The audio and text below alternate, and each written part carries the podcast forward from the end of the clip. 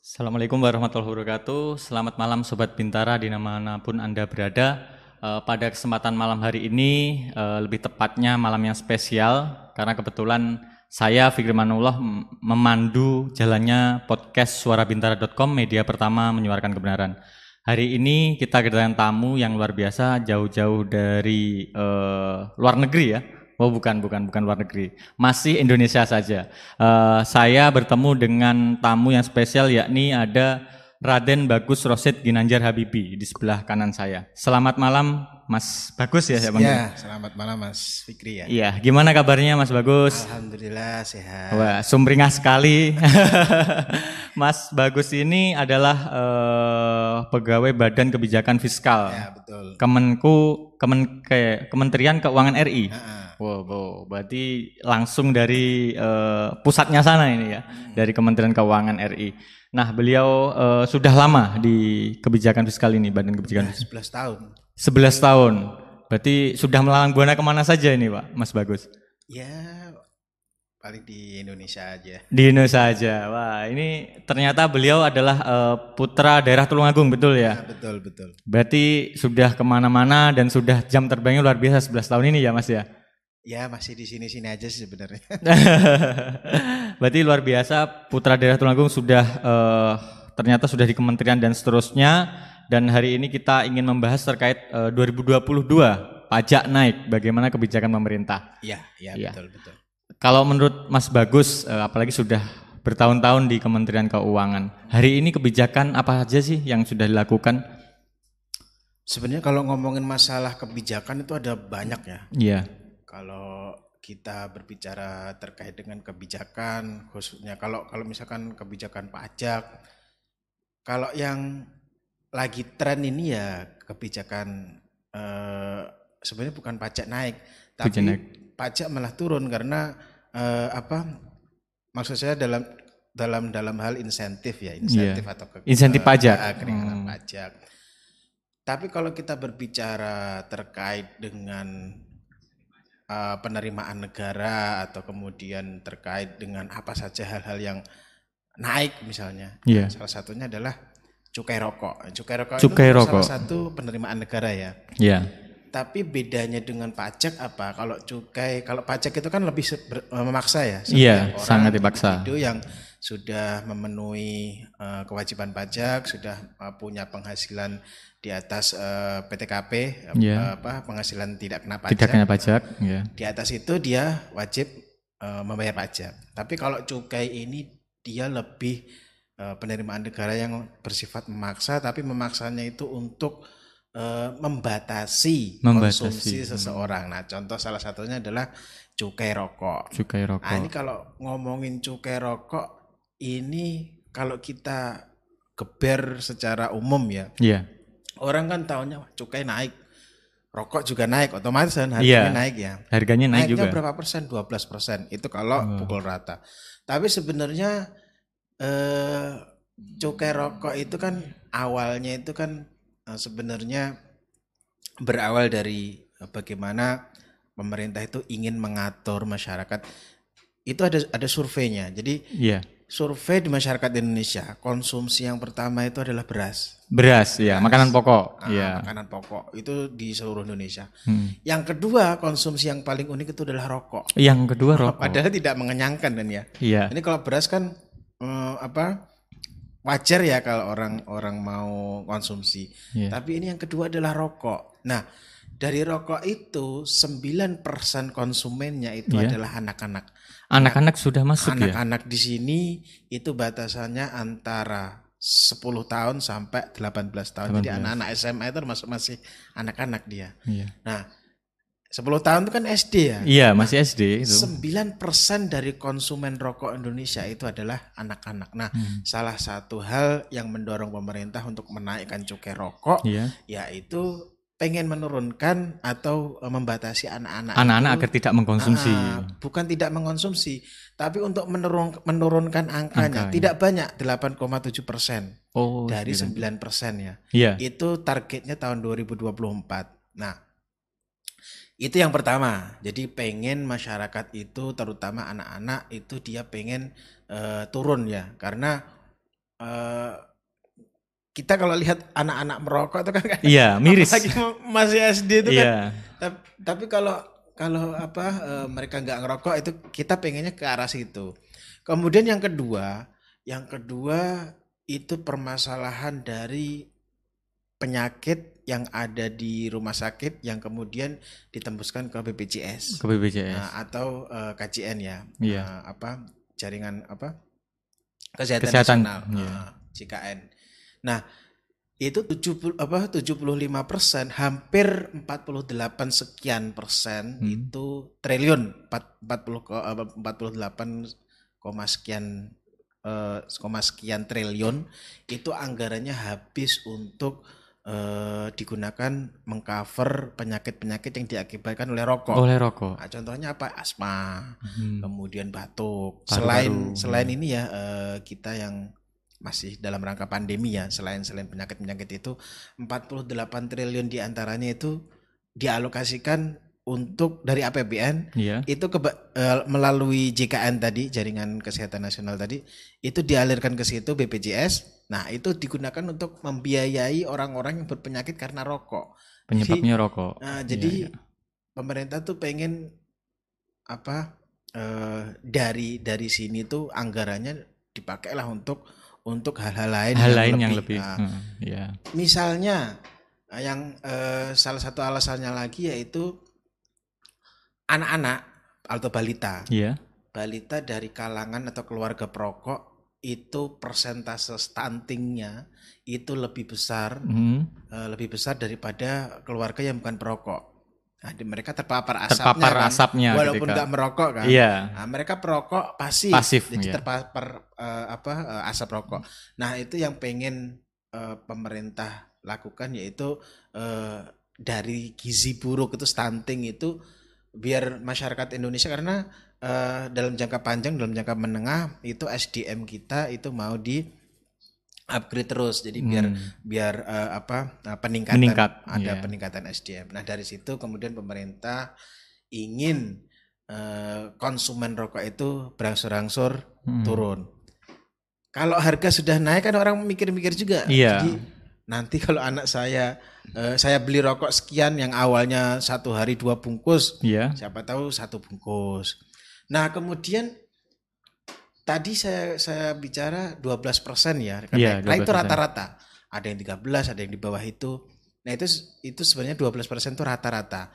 Tapi 12 persen itu kita juga memperhatikan eh, apa kondisi petani Oh iya, petani tembakau ya. kemudian pekerja di sektor eh, rokok konvensional eh, apa rokok tradisional yang pakai linting tangan itu Oh, pakai tangan Ah, ya. Hmm. Nah, itu kenaikannya kalau kalau pakai tenaga manual, tenaga manusia itu kenaikannya itu sekitar empat setengah, nggak nggak lebih dari lima persen. Hmm.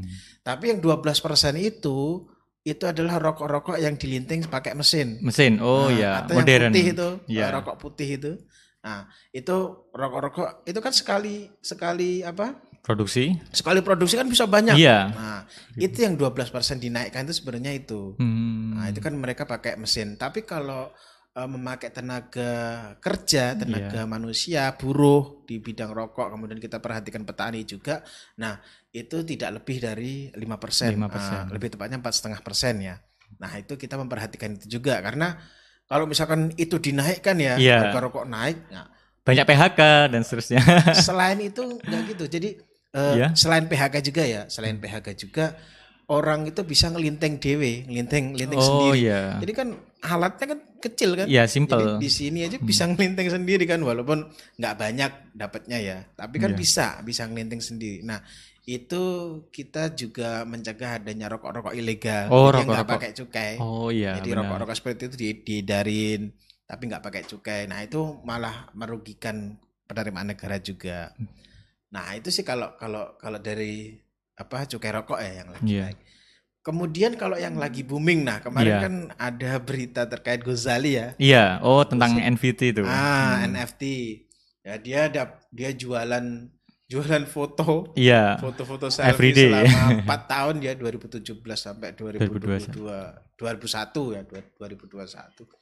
Nah itu pendapatannya miliaran Iya. Nah. benar. dari ratusan juta kemudian miliaran dijual lagi miliaran. Nah itu juga pemerintah menggali lagi kemarin kan di Twitter kan juga lagi booming kan Iya, jadi lagi trending gitu. eh, trending kemudian eh, dicolek sama dirjen pajak juga kan Iya. Jadi di akunnya dirjen pajak jangan lupa bayar pajak nah Iya. itu eh, apa namanya salah satu upaya pemerintah untuk menggali pajak dari perpajakan digital walaupun Hmm. secara secara peraturan tidak ada belum ada bukan tidak ada Belum ada yang mengatur. belum ada peraturan yang mengatur terkait dengan pajak digital Hmm, ya. tapi kita masih bisa menggunakan pajak atau peraturan undang-undang PPH atau undang-undang PPN yang sudah berlaku eh, selama ini Sama ini ya. ya apa eh, kita pakai eh, orang yang berpenghasilan atau punya penghasilan itu eh, wajib baik membayar Bayar membayar PPH tadi. ya. pajak. Kemudian yang masih booming lagi itu ya terkait dengan eh, PPNBM 100% tuh yang Oh ya, barang itu, mewah. itu sebenarnya salah satu insentif dari pemerintah ya. Hmm. Karena selama ini dua tahun ini kita dihantam pandemi, Hmm. kemudian kita juga ini juga masih dalam rangka Proses omikron juga ya. kan Hmm. masih ada. Kita nggak tahu nanti ke depan bagaimana nanti ada risiko-risiko apa kan juga nggak tahu mutasi-mutasi virus atau bencana-bencana alam nggak tahu. lain ya. Dua tahun ini eh, otomotif kita lesu, Iya, betul. Nah, perekonomian ekonomi Lagi turun kita, eh, turun. Asuransi-asuransi di bidang otomotif juga turun, penjualan-penjualan juga seperti itu. Nah, mulai dari eh, Maret 2021 pemerintah mempunyai inisiatif untuk memberikan insentif eh, PPNBM. PPNB. Nah, jadi 100%.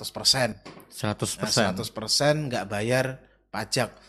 Tapi kenapa eh, tapi uniknya seperti ini. Pemerintah memberikan PPNBM kerina- ke- keringanan PPNBM mobil mobil mewah. Mobil mewah. Eh, kemudian tapi penerimaan pajaknya malah melampaui target 103,9 persen kan. Malah Kemarin melampaui. booming kan.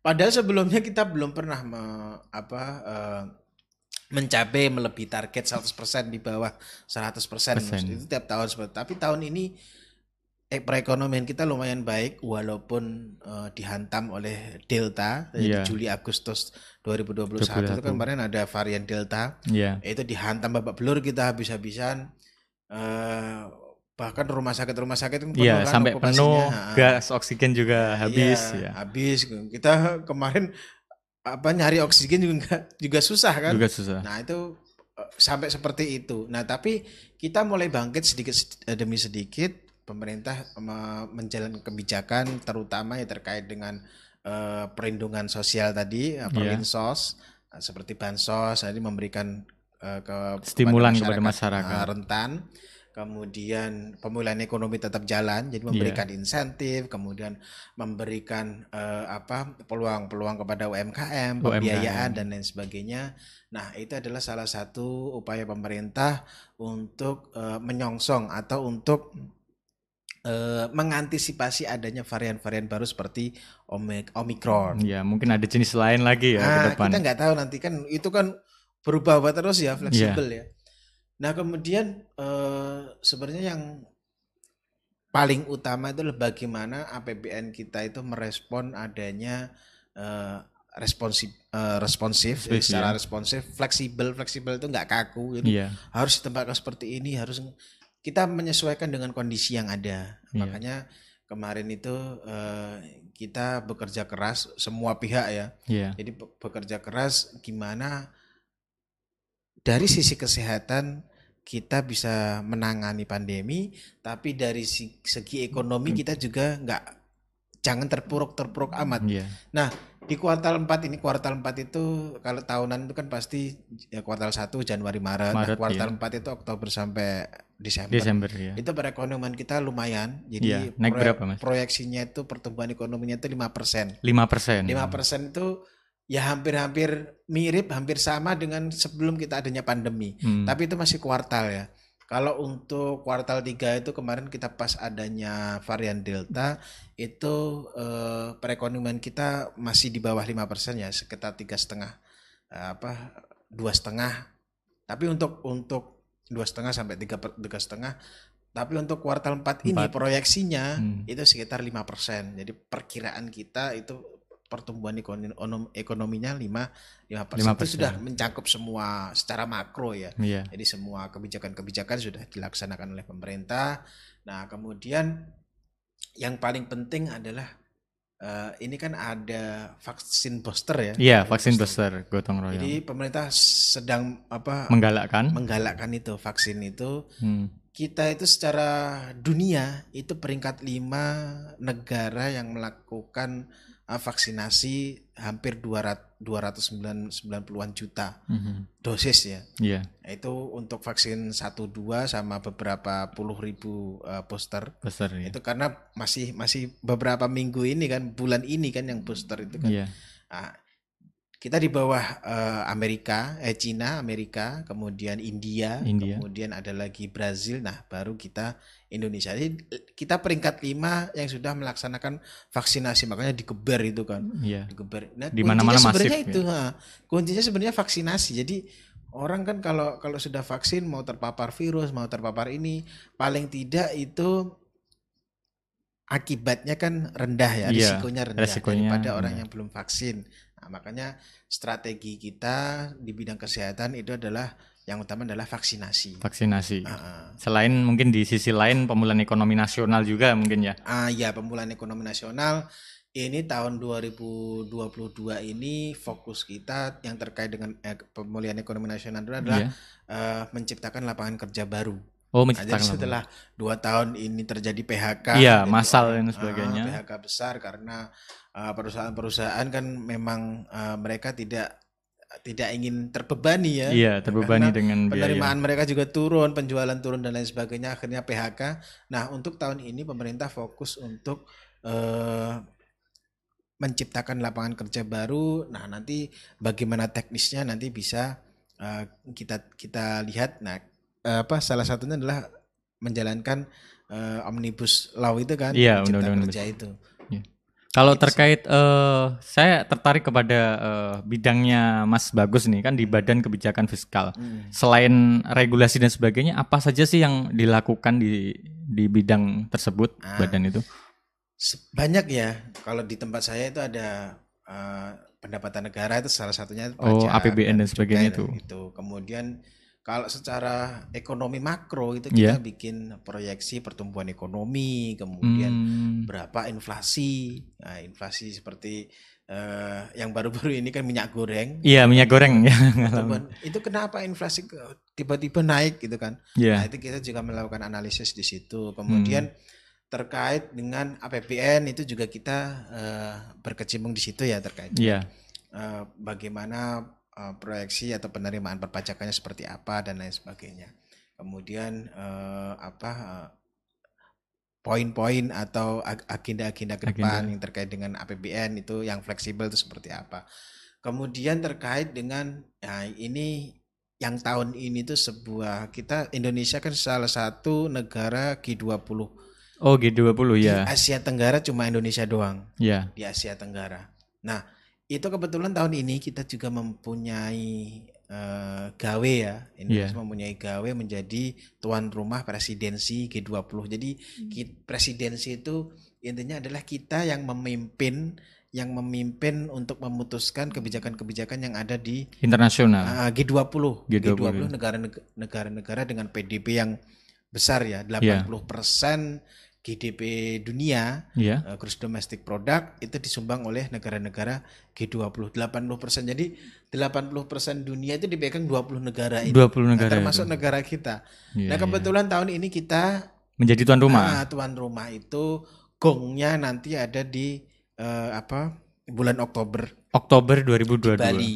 Oh, Tapi iya. rangkaiannya mulai dari Januari sampai Oktober itu padat. padat. Ah, Agenda jadwalnya. agenda-agendanya itu padat termasuk pembahasan pajak digital. Pajak Nah, digital. pajak digital itu kan walaupun misalnya eh, ada perusahaan digital yang kantornya di Amerika, Iya. tapi kan kebanyakan followernya ada di Indonesia, yang beli di Indonesia, yang Hmm. nah itu bagaimana caranya dari situ eh, kita bisa eh, Dirjen Pajak itu bisa eh, menarik pajaknya. Iya. Nah, menarik pajaknya kan selama ini kan nggak nggak belum belum ada aturannya makanya kita kesusahan juga kesulitan juga Iya. untuk menarik padahal eh, Potensinya sangat besar ya? potensinya besar Iya. potensinya besar jadi sama kayak Ghazali tadi kan. Iya. Ghazali tadi kan kita nggak tahu kan jualan di apa di apa open sea Open sih ya. jualan di open sea dapat sekian miliar nah kalau nggak booming Ya, mana tidak akan ketahuan. Jajan pajak nggak tahu Iya. kan Nah, makanya makanya itu ada regulasi terkait dengan pajak digital itu nanti akan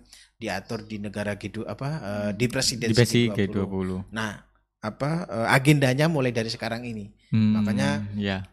Kemarin itu eh, salah satu keistimewaan kalau misalkan orang dari luar negeri masuk Iya. Indonesia kan harus karantina. Iya, karantina Nah, dulu. Nah, itu salah satu keistimewaannya adalah eh anggo apa eh, perwakilan dari negara Negara-negara. G20 yang akan datang ke Indonesia itu menjadi salah satu eh, apa eh, yang karantinanya itu di tidak tidak terlalu kaku sebagaimana peraturan yang Oh. ada sekarang. Jadi dipermudah lah gitu ya. Walaupun tetap karena- sesuai dengan protokol yang ada. Iya. Seperti itu kurang lebihnya. Iya, berarti ini eh, penyelenggaraannya di Oktober 2022 di Bali ya? Itu gongnya. Gongnya. Gong, oh, begitu. Jadi memang ada rangkaian sebelum itu. Rangkaian. Jadi hampir mirip dengan ketika kita menjadi tuan rumah IMF di Bali. Oh iya, IMF. Iya. IMF World Bank. Nah, itu kan ada puluhan ribu kan? Iya. Apa, eh, ribuan ribuan peserta dari dari luar negeri. Itu secara ekonomi bakal meningkatkan perekonomian. Iya, betul. Kalau misalkan orang-orang berbondong ke Bali misalnya, nah, berbondong ke Bali kan nggak cuma ikut rapat aja kan. Iya. Jadi di waktu senggang mereka akan liburan. Iya. Kemudian ekonomi perekonomian Yang real, sekitar itu juga bergerak. tumbuh. Mm. kemudian dagangan-dagangan eh, UMK UMKM di sana juga akan ikut Naik juga. ah, ikut ikut apa ikut kebagian juga. Jadi Iya. orang belanja. Jadi yang didorong salah satunya itu perekonomian kita akan meningkat. Tapi ya tetap kita mewaspadai adanya eh, apa pandemi ini Pandemi masih, ini. masih seperti apa. Itu risiko-risiko ke depan kan masih belum belum terbaca ya. Iya. Karena memang eh, kita nggak nggak bisa belum bisa memprediksi secara pasti tapi kita waspada, tetap Iya. waspada. Kita harus tetap waspada Ah, ah. begitu. Kalau terkait eh, saya juga tertarik anu tadi apa? Pajak digital. Ah, Pajak digital kalau menurut Mas Bagus itu apa saja selain tadi NFT dan sebagainya? Apakah kripto juga masuk? Cryptocurrency dan sebagainya? rencananya seperti itu. Oh iya. Tapi secara teknis karena memang belum keluar ya aturannya, nanti masih masih digodok. Jadi kita perlu adanya masukan-masukan dari eh, stakeholder dan Iya. masyarakat seperti apa. Tapi Bu Menteri itu pengennya tahun ini tuh sudah ada peraturan yang yang muncul. Hmm. Makanya pajak digital itu dimasukkan dalam agenda presidensi G20. Oh, masuk ke sana. Karena mungkin juga beberapa negara belum ada juga mungkin ya. Eh, Atau- iya, mungkin eh, negara neg- secara secara internasional belum Belum ada. Oh iya. internasional belum diatur karena eh, itu kan dunia maya ya digital. Iya, digital betul. Kalau kalau dunia dunia nyata kan misalkan eh, penghasilannya berapa langsung ditarik kan bisa, Bisa. ditarik pajak kan bisa.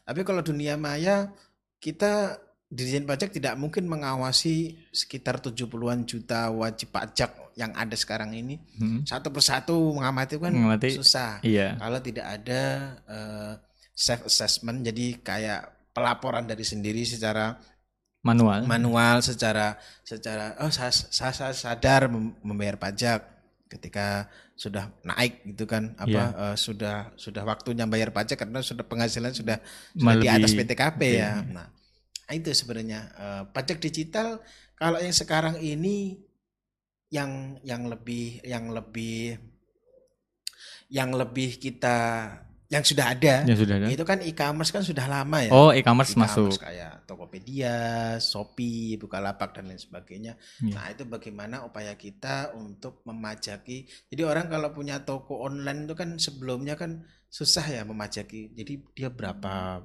apa Penghasilan dan ah, sebagainya. Tapi kalau untuk e-commerce itu beberapa e-commerce sudah melak- melakukan uh, penarikan pajak secara secara eh, Sistem. Eh, eh, eh, secara sistem secara bagaimana mereka misalnya eh, e-commerce ketika ada toko online kemudian menjual ini secara otomatis itu nanti ada Ada pajak eh, dari sistem itu iya ya. dari sistem dari sistem yang ada itu Oh ya. Kalau berarti tinggi ya di e-commerce itu ya berarti.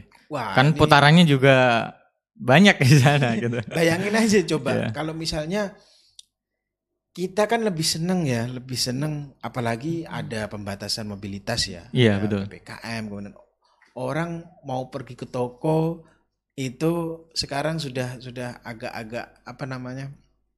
agak takut ya Iya. karena ada PPKM yang kemudian eh, takut kena virus dan lain sebagainya. Jadi pilih memilih di katalog, buka HP, Ya, pesan. buka e-commerce, nah, tinggal pilih sendiri mau yang mana.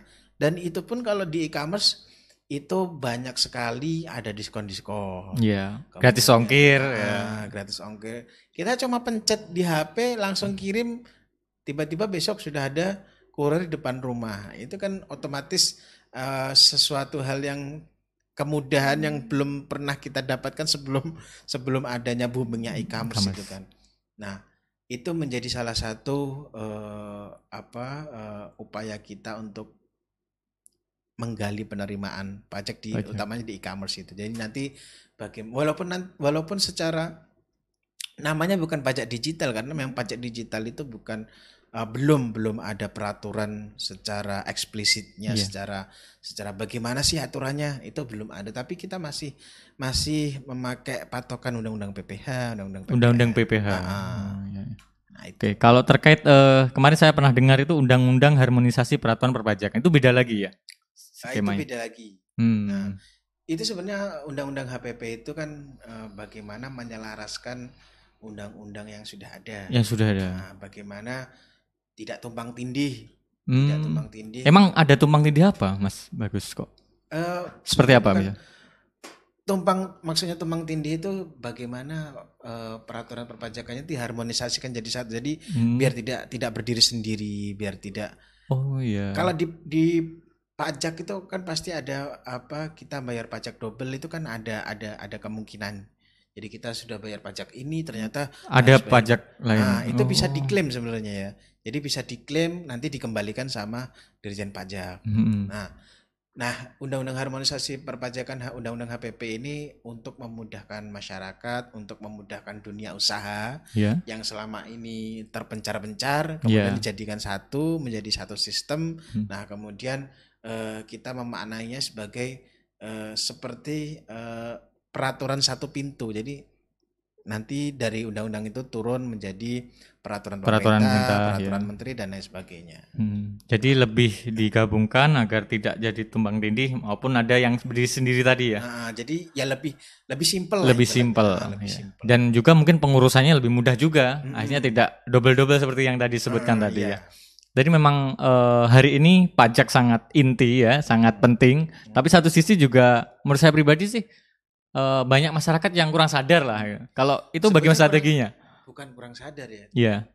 Orang kalau ngomongin pajak udah pasti udah takut duluan ya. Oh takut duluan. Apalagi eh, ngapain juga saya misalnya saya dapat penghasilan segini. Kalaupun nggak bayar pajak juga nggak apa-apa misalnya banyak yang berpikiran seperti itu. Iya. Padahal padahal eh, orang menghindari pajak. Nah dari pajak itu sebenarnya banyak sekali kok kita pakai untuk hal-hal yang Hmm. umum ya fasilitas termasuk di dalam APBN termasuk salah satunya ya kita salurkan memakai eh, dana desa. Oh digunakan Dana untuk desa kan untuk kepentingan desa kan Ya, untuk masyarakat. untuk, eh, untuk masyarakat untuk untuk apa kepentingan apa misalkan di desa itu pengen membuat sebuah proyek untuk masyarakat desa nah itu salah satunya dipakai untuk eh, seperti itu di dana desa. Kemudian ada banyak sebenarnya ada ada ada banyak nggak cuma dana desa tapi ya pembangunan pembangunan pembangunan seperti eh, ibu kota baru salah satunya juga kan memakai APBN ya. Oh Persen- memakai PN. persentasenya walaupun tidak semua ya. Itu eh, memakai APBN kemudian eh, apa penanggulan program PEN Oh PEN juga memakai masuk. APBN jadi banyak apa eh, bagaimana pemerintah menjalankan menjalankan APBN ini Hmm. dari pajak kemudian diputar Putar. membangun fasilitas infrastruktur kemudian eh, perlinsos perlindungan sosial kemudian bagaimana pemulihan ekonomi dan lain sebagainya itu menggunakan pajak. Pajak. Nah, Berarti memang pajak sangat mempengaruhi keseluruhan ya. hmm, ya. Apalagi Mas Bagus sudah melalang buana di Badan Kebijakan Fiskal pastinya sudah tahu, jadi lebih detailnya bagaimana. Cuma Tetap, ya ma- masalahnya seperti ini itu tadi yang saya sampaikan tadi. iya, Orang kalau dengar pajak udah takut duluan. Padahal yang ditarik itu kan sebenarnya misalnya Mas Fikri punya pendapatan eh, di atas empat setengah juta per bulan. iya, Nah itu wajib bayar pajak. Yang dibayar berapa? Misalkan pendapatannya 10 juta. iya, 10 juta dikurangi PTKP empat setengah itu Empat lima setengah. yang yang dipajaki lima setengahnya itu bukan? Oh, lima setengah persen nggak dari lima persen. Eh, itu kan ada kalau di eh, undang-undang PPh pasal 17 itu kan ada range-nya tarifnya ya. Iya, ada kalau misalkan di bawah eh, 1 m nah itu apa eh, ada eh, range paling rendah itu 5 5 persen nah 5 persen dari lima setengah tadi misalkan sa- per bulan iya, tapi kalau nggak ada misalkan UMR Tulungagung itu kan eh, sekitar 2 dua, jutaan ya. iya dua juta. Ya itu kalau misalkan per bulan dapat itu nggak nggak bayar pajak. Hmm, jadi tidak buruh-buruh- masuk. Hmm, Iya buruh-buruh itu nggak bayar pajak kan? Iya, iya, Karena di bawah empat empat setengah kan PTKP-nya nggak nggak masuk. Nggak ma- jadi ya orang orang nggak nggak nggak apa dia nggak bayar apa pajak penghasilan. Penghasilannya. Ah, ah. berarti Jadi yang dipajak itu sebenarnya ya ibaratnya kalau per bulan empat setengah kan dia lumayan mampu, lumayan kaya kan. iya, Yang dipajakin ya orang-orang kaya, bukan orang-orang miskin. iya, iya, iya. Berarti di bawah empat setengah dia nggak kena. Tapi Ah. kalau di atas itu, apalagi miliatan dia kena. Iya. Tapi banyak juga yang takut karena bisa jadi karena meng- menghilangkan lah atau mengurangi penghasilannya mungkin ya. Ah, Iya, jadi orang takut duluan gara-gara eh, dipukul rata kan. Hmm. Kalau kita lihat di komen-komen di medsos tuh Iya, kan lumayan serem juga kan.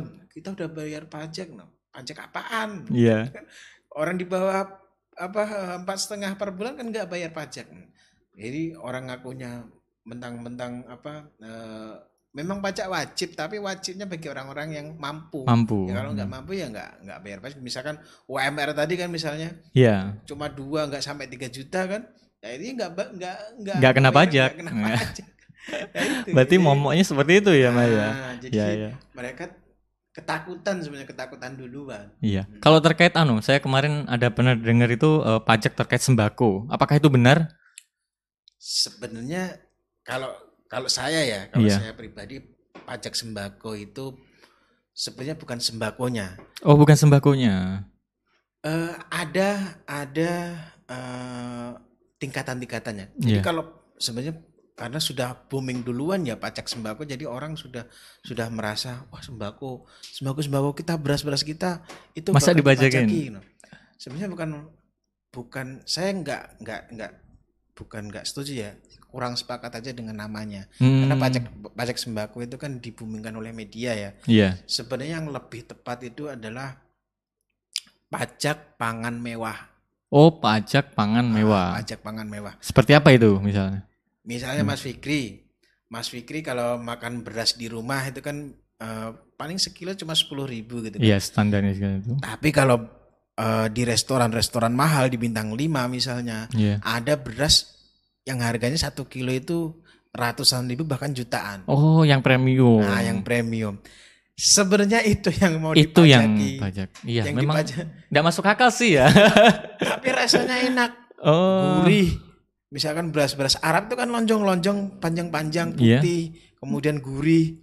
Nah, sebenarnya yang yang di- mau dipajakin itu sebenarnya itu. Jadi pajak eh, apa? Pangan, Pangan mewah. mewah. Pajak pangan mewah. Tapi kalau tapi udah booming duluan ya pajak sembako orang nerimanya masyarakat pasti kalau ada pajak sembako pasti pengennya mau nolak. Nolak ya. Mau ya. nolak. Masa makan aja beras mau dipajak. Harus dipajakin semua. Padahal eh, yang kita pengen itu pajak-pajak restoran-restoran mewah, kemudian hotel-hotel mewah, kemudian masyarakat-masyarakat kelas atas. Iya. Nggak mungkin dong dia apa beli beras yang harganya satu satu kilo sepuluh ribu misalnya. Iya. Orang-orang kaya, orang-orang satu persen di Indonesia itu Iya. kan makannya beras yang yang apa eh, premium Dan kan kualitas Yang- tinggi dan mahal-mahal. kualitasnya beda jadi beras-beras impor Oh. beras-beras dari Jepang, beras-beras dari luar negeri yang yang apa eh, yang konsumennya itu sedikit di Indonesia, yang konsumennya itu orang-orang kaya. Nah, itu sebenarnya yang mau dipajakin ya Pajakin. itu. Berarti ini yang perlu digarisbawahi bukan pajak sembako, tetapi pajak pangan mewah ya. Iya, kalau saya masalah istilah sih sebenarnya. istilahnya. Orang kalau kalau pakai istilah pajak sembako sudah pasti nolak. Ya, Saya sendiri bahkan eh, mungkin juga yang yang nolak ya. Tapi kalau un, apa pajak pangan mewah yang yang dipajakin ya orang-orang yang makan beras premium yang harganya ratusan juta. hmm, Apa maksudnya ratusan ribu, Ratusan ribu. kemudian atau jutaan. Nah, itu yang mau dipajakin sebenarnya. ya, ya. Nah, itu kan konsumennya sebenarnya orang-orang apa orang-orang Kalangan atas. kalangan atas misalnya ekspatriat yang ada di Indonesia kemudian nyari itu Iya. Nah, beras-beras beras-beras eh, bantuan bantuan pemerintah misalkan itu kan nggak mungkin Nggak mungkin. Iya kan? Sudah bantuan, Eh, kemudian iya. dibaca kan nggak mungkin. Ya, kita gitu. kan kalau kalau di toko beras kan pasti ada ininya kan ada ada harga beras yang beda-beda oh ini beras Karena sesuai kualitas. ah, Iya. beras rojo lele misalnya yang lain ada beras beras ini lagi Nah, itu kan tingkatan tingkatannya beda kan di di apa di warung-warung kan juga pasti beda Iya, iya, iya. Nah itu yang yang di nanti coba aja diketik di kamus pajak apa beras premium itu harganya berapa satu kilo misalnya itu bisa ratusan ribu makanya itu sebenarnya yang mau dipajakin Hmm. Iya. tapi karena keburu booming pemerintah susah untuk Hmm. menjelaskan kan udah udah Susah mengcounter juga ya. "Ah, pokoknya kalau ada pajak sembako tolak Tolak. nggak mau kan di di di bawah sadar masyarakat seperti itu ya Ya. ya udah karena karena apa sudah sudah dibumingkan dulu sama sama sama media, ya. Media. jadi yang dipilih kosakatanya pajak sembako jadinya orang sudah nolak duluan Iya, berarti memang bahasa sangat eh, rentan sekali ya. Padahal nggak- pangan. nggak nggak mau tahu penjelasannya apa pokoknya udah makanya apa terkait dengan pajak sembako kan di dinginkan dulu kan jadi Iya. beritanya kan sudah agak-agak ini dulu kan walau itu untuk menghindari konflik aja Iya, oh gitu. Berarti memang eh, saya juga melihat di berita seperti itu. Berarti memang ada harus perubahan itu tadi ya kata ya. Sebenarnya Pajak ini pangan sih gitu. eh, kita perlu juga adanya strategi komunikasi ya Iya. sebenarnya dari pemerintah ya. Nanti bagaimana mengkomunikasikan kebijakan-kebijakan yang sebenarnya bagus tapi digoreng oleh lawan-lawan politik misalnya atau digoreng oleh eh, apa namanya kayak cukai rokok misalnya ya. Iya, Cukai rokok itu kan dari segi ketika pemerintah menaikkan cukai 12% dianggap eh, kita pro orang-orang kesehatan. Oh iya, orang-orang kesehatan sama orang sama pengusaha pemerintah pro sama orang-orang kesehatan. Mhm. ini nanti nanti apa dikira kita eh, apa namanya eh, penjualannya turun jadi penjualannya turun tapi kalau kita nggak naikkan cukai misalnya iya, dari orang kesehatan kebalikan wah pemerintah pro sama pengusaha-pengusaha iya. nah itu kan dilematis Dilematis serba salah juga. iya makanya jalan tengahnya itu tadi kalau terkait dengan cukai rokok 12% buat yang pakai mesin Iya, kemudian yang pakai apa tangan empat setengah persen nggak sampai lima persen iya. Kalau pajak impor ekspor itu tidak ada perubahan ya di tahun 2022 ini. Itu belum masih masih masih sama sebenarnya Masih sama seperti tahun-tahun sebelumnya. iya Berarti tidak ada kenaikan maupun tidak ada ya berarti ya. selama belum belum ada peraturan baru atau kebijakan baru itu belum belum iya belum ada Belum ada. Hmm. Oke, oke. Berarti memang eh, hari ini kita harus apa ya, lebih teliti dalam menyimak berita. Selain itu juga harus konfirmasi juga. Iya. Satu sisi juga mungkin eh, Mas Bagus berada di Badan Kebijakan Fiskal harus mampu mengkomunikasikan dengan mungkin masyarakat sekitar ya. Mm-mm, Mungkin iya. seperti itu. Bagaimana eh, pertumbuhan ekonomi eh, diprediksi di tahun mendatang? Kira-kira apakah pa- penerimaan pajak itu akan naik atau justru cenderung menurun, Mas? Kalau kita lihat tren ya, jadi kalau kita bicara dengan pertumbuhan ekonomi gitu, kita melihat tren, trennya Iya. bagaimana. Nah, tren dari kuartal 3 itu kemarin karena kita babak belur di varian Delta, Varian Delta. kemudian eh, di kuartal 4 kita sudah mulai naik proyeksinya 5%. Nah, untuk eh, tahun 2022 ini bagaimana proyeksi pertumbuhan ekonominya? Nah, saya kira kita masih akan tetap survive ya, karena Sudah, hmm. dulu tahun 2022 kan sempat minus ya.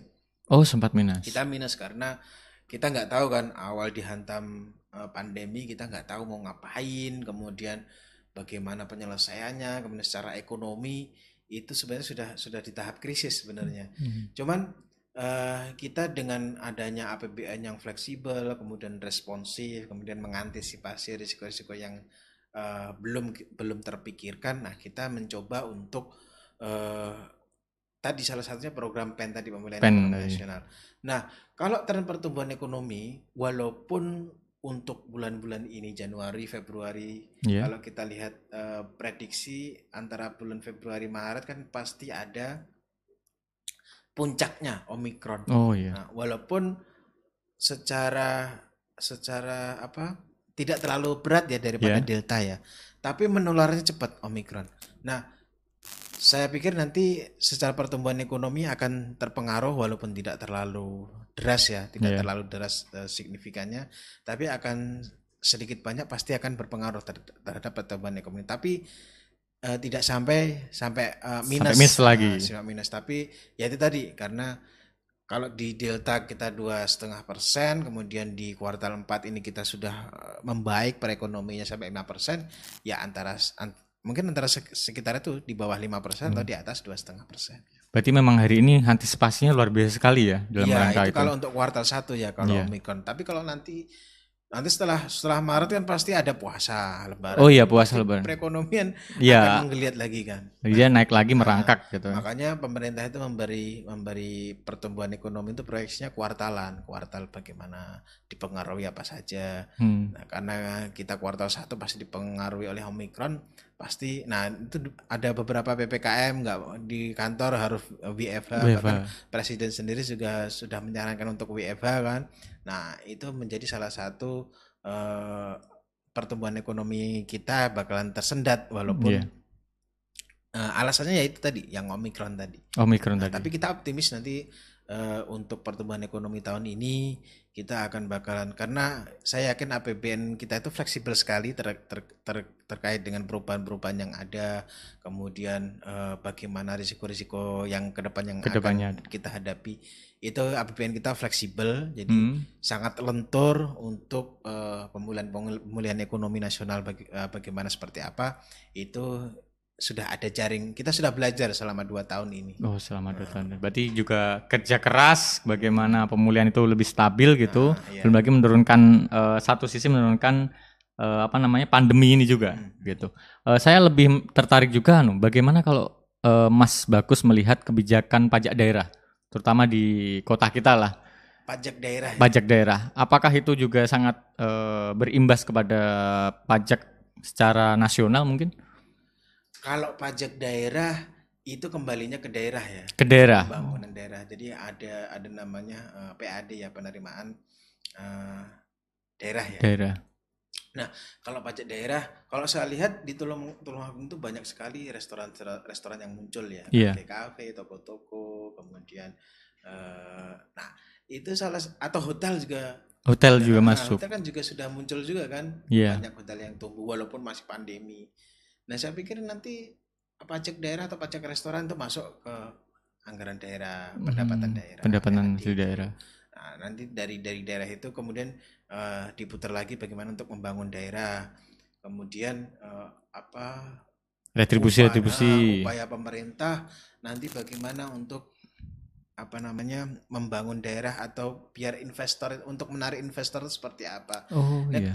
Kalau Mas Fikri Mas Mas Fikri dengar ya, kita kan mau katanya ada jat- mau bangun Jatim Park, kemudian di daerah selatan itu. Iya, kawasan CLS. geopark Ah, ya. Nah, itu kan kita sangat terbuka ya dengan investasi ya. Hmm. Investasi banyak sekali banyak sekali investasi investor-investor baru. Ya contohnya tadi bagaimana di pandemi ini malah banyak restoran-restoran yang buka ya, Yang buka baru, kafe-kafe yang lagi Ah, tren juga. gitu. kafe-kafe yang tren walaupun PPKM masih tetap berjalan. Hmm. Nah, itu salah satu bagaimana eh, pajak daerah itu juga eh, sangat berkontribusi terhadap perkembangan daerah, kemajuan daerah itu sendiri.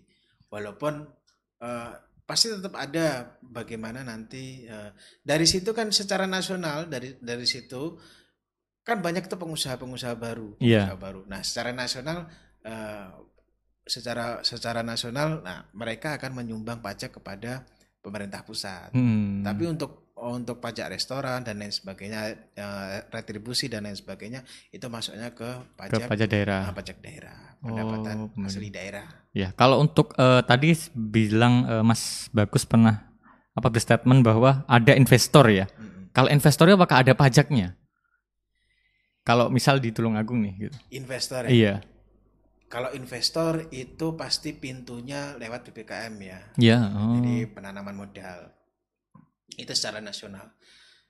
Tapi kemudian ketika sudah sudah melewati uh, pintu itu di, BP, di BPKM, kemudian uh, kalau BPKM sebenarnya mengatur regulasi secara nasional. Hmm. Tapi kemudian kalau misalnya di daerah Tulungagung, wah saya Tulungagung itu potensinya besar misalnya. Yeah.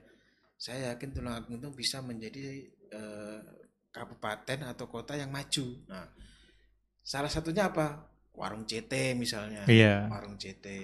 Nah, pemerintah uh, Pemda dalam hal ini Pemda atau pemerintah kabupaten apa saja bagaimana mereka ingin uh, investor-investor itu masuk bagaimana apa yang ditawarkan oleh oleh Pemda misalnya. Hmm.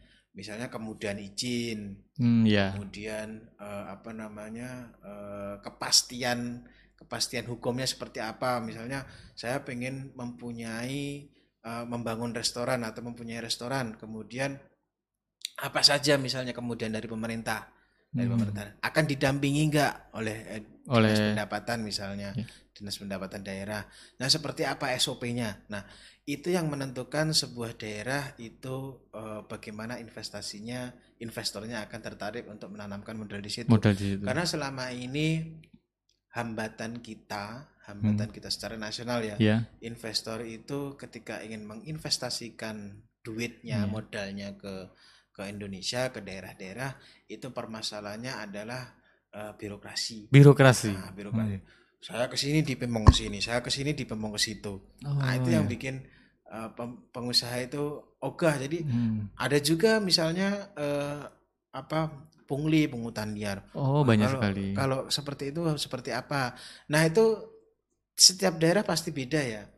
Entah itu oknum atau seperti apa saya saya belum belum belum di tiap daerah itu pasti beda-beda ya ininya ya apa eh, kendala kendalanya dan tapi kalau di Tulungagung sini kalau melihat bagaimana perkembangan orang yang menginvestasikan modalnya saya yakin potensinya sangat besar. Sangat dan, besar. dan kalau dilihat uh, pemerintah kabupaten juga welcome kan ke investor ya. Iya. Kalau misalkan investor welcome kemudian investor seneng ya berarti ya langkah yang ditempuh oleh pemerintah daerah pemerintah kabupaten Tulungagung ini sudah sudah tepat ya. Iya. Nah, berarti ingin menarik investor baru, investasi masuk. Nah, bagaimana pengelolaannya? Nah, iya, men nanti uh, kita lihat bagaimana nanti ke depan pasti banyak sekali apa namanya uh, usaha pengusaha-pengusaha yang bermunculan. Bahkan teman-teman saya yang ada di pengusaha muda, uh, himpunan pengusaha muda ya, yeah. ini ya, Tulungagung itu juga mereka juga punya program-program bagus bagaimana meningkatkan pengusaha-pengusaha masyarakat untuk menjadi pengusaha. Hmm. Berarti memang banyak sekali ya kalau peluangnya di Tulungagung. Kalau peluang banyak. Tinggal bagaimana pemerintah melalui kebijakan-kebijakannya. Nah, iya, karena itu. kan kita ini kan Tulungagung kan suka suka konsumtif ya masyarakat. Iya benar. Makanya banyak pengusaha kafe, warung kopi, kemudian makanan kan banyak sekali kan. Iya. Nah, emang dilihat dari bagaimana masyarakatnya yang konsumtif, wah berarti peluang usaha untuk uh, makanan minuman sangat besar ya. Tinggal mungkin bagaimana strategi uh, pajak setempat ya, apalagi ya, untuk menjaring itu tadi ya. Bukan strategi pajak, bagaimana mm -hmm. uh, pemerintah memberikan uh, menarik investor mm. dengan caranya sendiri, misalkan ya itu tadi dengan sistem atau dengan mempermudah regulasi, dengan kan dengan adanya orang uh, misalnya bandara baru di Kediri itu kan pasti sudah pasti uh, banyak apa, sekali peluang ya. Uh, hmm. Pasti akan berimbas juga ke daerah-daerah sekitar ya, termasuk Tulungagung kan. Kemudian adanya wacana wacana Jatim Park misalkan di JLS itu kan pasti akan membuka lapangan kerja baru, yeah. membuka pengusaha-pengusaha untuk menanamkan modal. Nah itu kan menjadi sesuatu hal yang menarik. Tinggal bagaimana pemerintah untuk uh, sosialisasi, kemudian uh, bagaimana. Yang penting yang penting nggak ada kasus aja lah nggak ada kasus misalnya wah oh, bakal dikorupsi atau seperti apa hmm. jangan sampai ya jangan, jangan sampai. sampai seperti itu jadi trust atau kepercayaan masyarakat itu tinggi yeah. pemerintah jadi e, nanti bisa bergeliat lagi investor juga masuk semakin banyak otomatis juga meningkatkan pendapatan asli daerah tersebut iya kalau kalau pendapatan daerah naik misalkan UMR sudah pasti naik juga. Sudah naik semua. Jadi buruh meningkat juga kan. Iya. Apa eh, penerimaan penerimaan hariannya juga meningkat, Hmm. bulanannya juga meningkat. Jadi masyarakat yang apa dari karyawan kemudian buruh kalau UMR naik sudah pasti itu akan mempengaruhi kehidupan mereka. Mereka ya. Cuma mungkin menurut saya anu Mas, apa benar masih belum ada kawasan ekonomi khusus ya kalau di Tulungagung ya? Kalau beberapa kota kan sudah ada nih. Kalau kawasan ekonomi khusus itu kan diatur oleh pemerintah pusat. Oh, harus diatur pemerintah pusat. Ada ada PMK-nya sendiri. Hmm. Nah, kalau di Tulungagung saya pikir masih belum. Tapi kalau pemerintah daerah mau mau mem- mau membuka ke arah sana sebenarnya bisa. Bisa juga. misalnya ya, misalnya kalau eh, di daerah kok di daerah di daerah CLS sana itu khusus pariwisata. Hmm. Kemudian industri marmer misalnya, industri marmer di itu kan bisa di di, di Dibikin kawasan. kawasan ekonomi khusus ya. Kawasan ekonomi khusus misalkan par, eh, marmer tersedia bahannya, Iya. kemudian tersedia apa eh, perusahaannya yang pabriknya yang membuat, kemudian bagaimana marketingnya itu kan Iya. dalam satu. Satu kawasan Nah, itu. Tapi kalau di Tulungagung selama ini masih masih belum belum Belum ada situ ya. gagasan seperti itu. Tapi sebenarnya potensinya ada Hmm. arah, arah sana. Dan di situ juga pasti ada kawasan ekonomi khusus juga eh, potensi pajak juga ada pastinya ya. Kalau pajak sudah pasti, Pasti sudah, ada. sudah pasti berpengaruh ya. Iya. Potensi penerimaan negara itu pasti berpengaruh ke arah situ. Bahkan eh, potensi adanya apa eh, pendapatan asli daerah juga pasti ada dari situ juga. Oh iya. Entah itu dari eh, lapang, pembukaan lapangan kerja, Kerja. kemudian eh, bertambahnya pengusaha-pengusaha baru dan lain sebagainya. Oke oke siap Eh, luar biasa sekali terima kasih kehadirannya Mas Bagus sebelum menutup mungkin ada closing statement untuk masyarakat apalagi pesan-pesan untuk agar tidak apa ya namanya takut lah atau ketakutan terkait pajak mungkin ada pesan Kalau sebenarnya kalau closing statement itu s- kebetulan saya kan lebih apa namanya lebih pekerjaan saya yang sekarang itu kan lebih ke bagaimana strategi komunikasi ya. Jadi saya saya memegang apa namanya eh, pimpinan. Iya. Jadi pimpinan minta saya untuk mengubah kebijakan kebijakan-kebijakan atau bahasa-bahasa peraturan iya itu ke dalam bahasa-bahasa yang mudah dipahami oleh masyarakat. Nah, saya suka berkecimpung di situ. Jadi yang awalnya peraturan, orang ngomongin baca peraturan segini kan, iya pusing kan apalagi orang awam, iya orang awam yang biasanya nongkrong di warung kopi, sukanya ngobrol-ngobrol, ya yang ringan-ringan yang bisa ditangkap. Hmm, yang Ya, sederhana Nah, yang sederhana. Contohnya adalah uh, pajak sembako misalnya tadi bagaimana biar bisa diterima ya udah kita ubah menjadi pajak pangan mewah misalnya, misalnya ya. Jadi lebih tepatnya adalah bagaimana pemerintah uh, membuat sebuah strategi komunikasi agar kebijakan yang dibuat itu bisa diterima oleh masyarakat, iya bisa dibaca oleh masyarakat, bisa diserap oleh masyarakat tanpa ada embel-embel wah harus akademisi, harus harus orang-orang yang berpendidikan. Tapi bisa dijabarkan oleh masyarakat itu sebagai kebijakan yang membumi. Jadi Iya. bahasanya itu strategi komunikasinya bagaimana, kita pemilihan bahasanya seperti apa, kemudian bagaimana sosialisasinya biar Sosialisasi. masyarakat itu bisa eh, menerima kebijakan yang sudah dibuat. Kemudian terkait dengan pajak, kalau pajak sudah pasti seperti Mas Mas Vicky bilang tadi ya, iya orang ngomongin pajak pasti sudah takut duluan. iya Nah, tapi kalau saya saya kaitkan dengan strategi komunikasi tadi, jadi kalau misalnya kita mempunyai eh, strategi komunikasi, pemilihan kosakata yang bagus, kemudian bahasanya membumi, tidak bercabang, Iya. jadi tidak tidak banyak sayap yang punya mak- banyak sebagainya. makna. heeh. Nah itu akan lebih bagus kalau misalnya eh, kebijakan-kebijakan itu eh, disampaikan kepada masyarakat dengan bahasa yang mudah dimengerti. mudah dimengerti. Ah. Berarti memang kita harus mengajak juga masyarakat yang mungkin eh, penghasilannya di atas 4.500 untuk membayar pajak. Tidak usah takut karena kembali lagi itu kembali lagi untuk rakyat kita, Jadi untuk bukan- negara kita.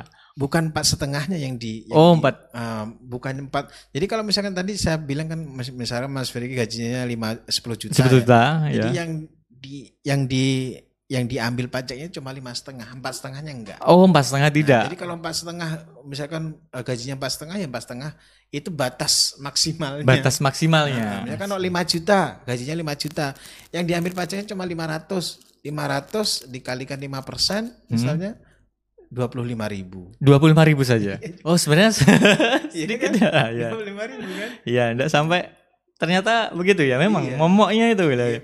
Kalau orang kan bilangnya, wah gaji saya 5 juta, 5 juta kali 5, 250 ribu.